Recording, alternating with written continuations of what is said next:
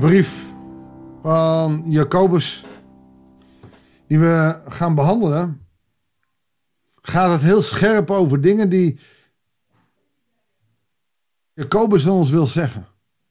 Hij maakt het geloof op een of andere manier scherper. En dat doet zeer op een dag dat je erachter komt, geattendeerd door een trouwe luisteraar, dat je de maandag bent vergeten. Ik wil jullie ongelooflijk mijn excuses aanbieden. En dank voor alle mooie dingen hoor, eh, die je nu denkt, ach het is menselijk.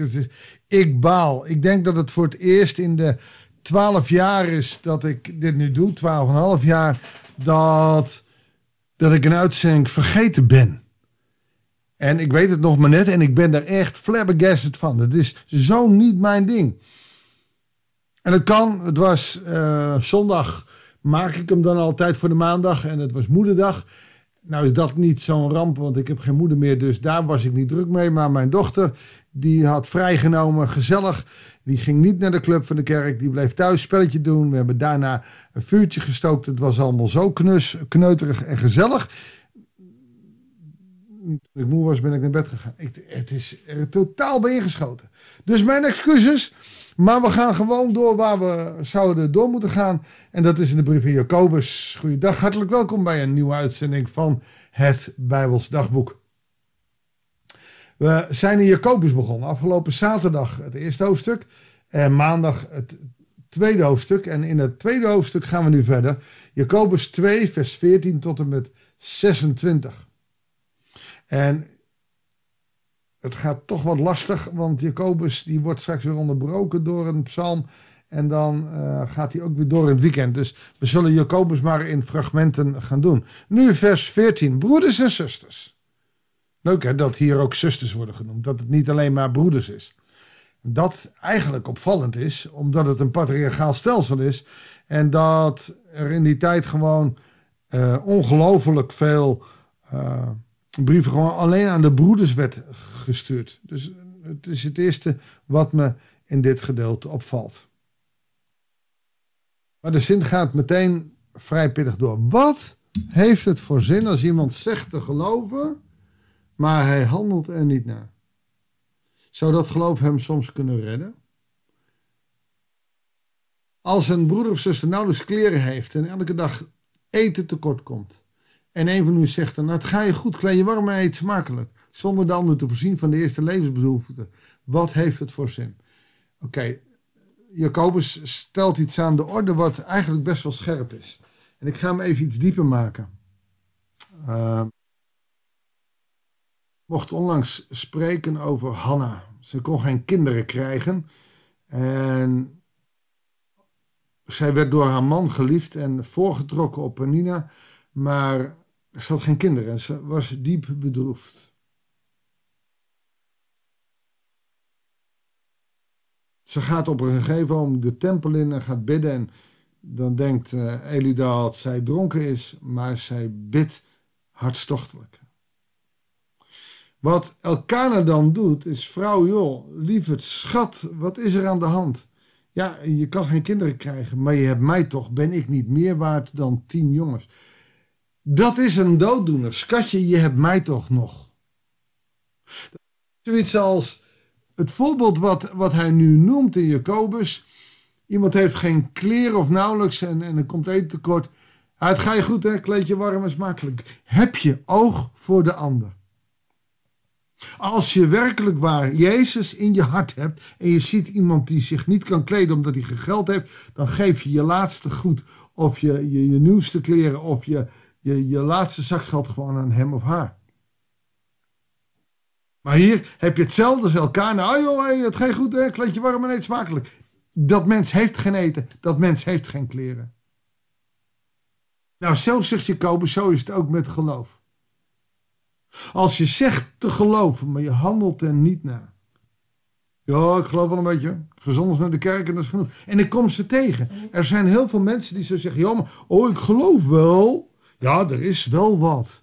Ja, en wat dan? Ja, dat zullen we maar God noemen, dat weet ik ook niet.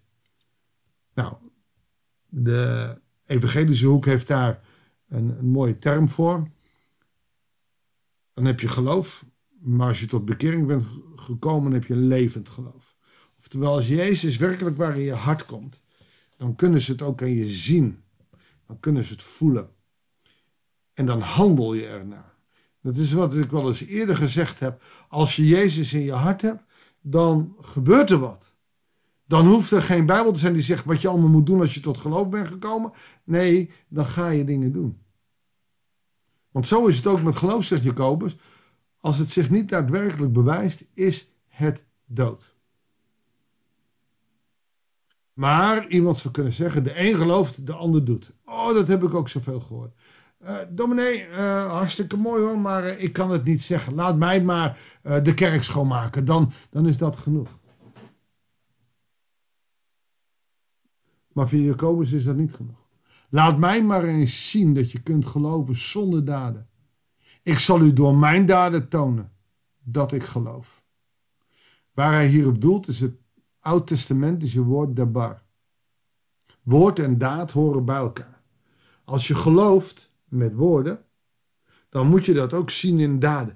Maar ook andersom. In je daden moet je kunnen zien dat je gelooft. Dus of je nou timmerman bent, de manier waarop je met je leven omgaat, ben je getuige.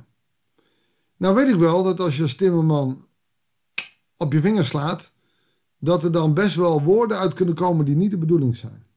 Maar daarin heb ik zelfs mensen gezien die dan niet de schuttingtaal gebruiken, maar werkelijk waar het in zich hebben om goed te reageren. Ik weet dat ik ooit eens een uh, jeugddienst heb gehad waarin het over krachttermen ging, uh, ook over het vervelende GVD, uh, waarin ik geleerd heb, heb wat naar. Dat is dezelfde uh, riedel als de GVD. En het zegt ook iets wat weer is. Dus als je op je vingers slaat, heb maar wat na. Als je dat voor ogen houdt, dat je zelf inprent. Weet je dat er mensen rondlopen die nu elke keer zeggen, heb maar wat na. Het kan. Maar wij zeggen dan, nou, maar als je op je vingers slaat, nou, dan, uh, dan mag er wel even een stevige vloek. Waarom? En ik ben er ook schuldig aan, maar waarom? We kunnen mensen, ook als ik op mijn vingers sla, uit mijn daden zien dat is de mens. Denk het niet. U gelooft dat God de enige is. Zegt Jacobus verder, dat doet u goed aan. Maar de demonen geloven dat ook en ze zidderen. Nou, hier, hier gebeurt iets moois. Ik vind dit, ik vind dit ongelooflijk spannend. U weet dat God bestaat. En u zegt ook, hij is de enige. Ik ga naar de kerk. Hij is goed. En door de rest van de week doe je met je elleboog werken en, en, en je doet er niks aan. Demonen geloven ook dat God de enige is. Maar zij sidderen, want zij weten wie God is. Moet je dan gaan geloven uit angst? Nee, volstrekt niet. Maar wel uit ontzag dat God een God is die als hij zegt... Het wordt donker, dat het donker is. Het wordt licht en het wordt licht. Hij heeft de wereld geschapen. En we zouden als christenen meer ontzag moeten hebben voor de heilige naam van God. Zegt hij. Wilt u dat het bewijs dat geloof zonder daden nutteloos is? Werd onze voorvader Abraham niet rechtvaardig verklaard om wat hij deed toen hij zijn zoon Isaac op het altaar wilde offeren? U ziet hoe handelen daar hand in hand gaan. En hoe het geloof ten volle verwezenlijkt wordt in zijn daden. Jacobus bestaat er maar één werkelijkheid. Als je gelooft in Jezus, dan zijn je daden daar ook na. En hij gebruikt hier een oud-testamentisch dus een verhaal uit de Torah. Zo ging in de vervulling wat de schrift zegt. Abraham vertrouwde op God. En dat werd hem als rechtvaardigheid toegerekend. Niet de daad zelf, maar dat hij woord en daad bij elkaar wist te halen. Hij wordt zelfs God vriend genoemd. Je ziet dus dat iemand die rechtvaardig wordt verklaard om wat hij doet en niet alleen om zijn geloof. Werd ook niet Raag op de hoer rechtvaardig verklaard om wat ze deed toen ze de verkennis ontving en langs een andere weg liet vertrekken? Zoals het lichaam dood is zonder geest, zo is ook het geloof zonder daden dood. Dat is duidelijke taal. En je zou dit, ik heb nu allemaal ondeugende gedachten, dat zal ik niet doen, maar je kan dit ook op mensen leggen. Als je het hebt over Raag op de hoer, die rechtvaardig wordt verklaard omdat ze twee verspieders uit het raam langs de muur heeft laten afzakken. En daardoor geheiligd wordt. Hoeveel te meer dan mensen die wij raar vinden of anders eh, vinden, waarvan wij vinden dat ze het niet goed doen, kunnen door hun geloof en de, de geloofsdaden ook werkelijk behouden worden. Wie zijn wij dat wij erover oordelen? Laten we maar gewoon gaan bidden. Heer God, in alle bescheidenheid komen we tot u, omdat ons geloof vaak uit woorden bestaat, maar nauwelijks uit daden. Je wil ons vergeven als we verkeerde dingen doen. Wil ons in genade aanzien. En God en ik bid u voor alle luisteraars van de podcast die gisteren dan een uitzending hebben moeten missen, maar dat iedereen die nu luistert weet dat hij de woord bij de daad moet voegen en de daad bij het woord moet voegen. Heer God, dat wij mogen weten dat als we in u geloven, dat we in een levende God geloven en dat we dan ook onze daden daaruit laten blijken. Alsjeblieft met ons mee en zegen ons daarin. Dat bidden we u in Jezus' naam. Amen. Dankjewel voor het luisteren. Ik wens je God zegen. En heel graag tot de volgende uitzending van het Bijbelsdagboek.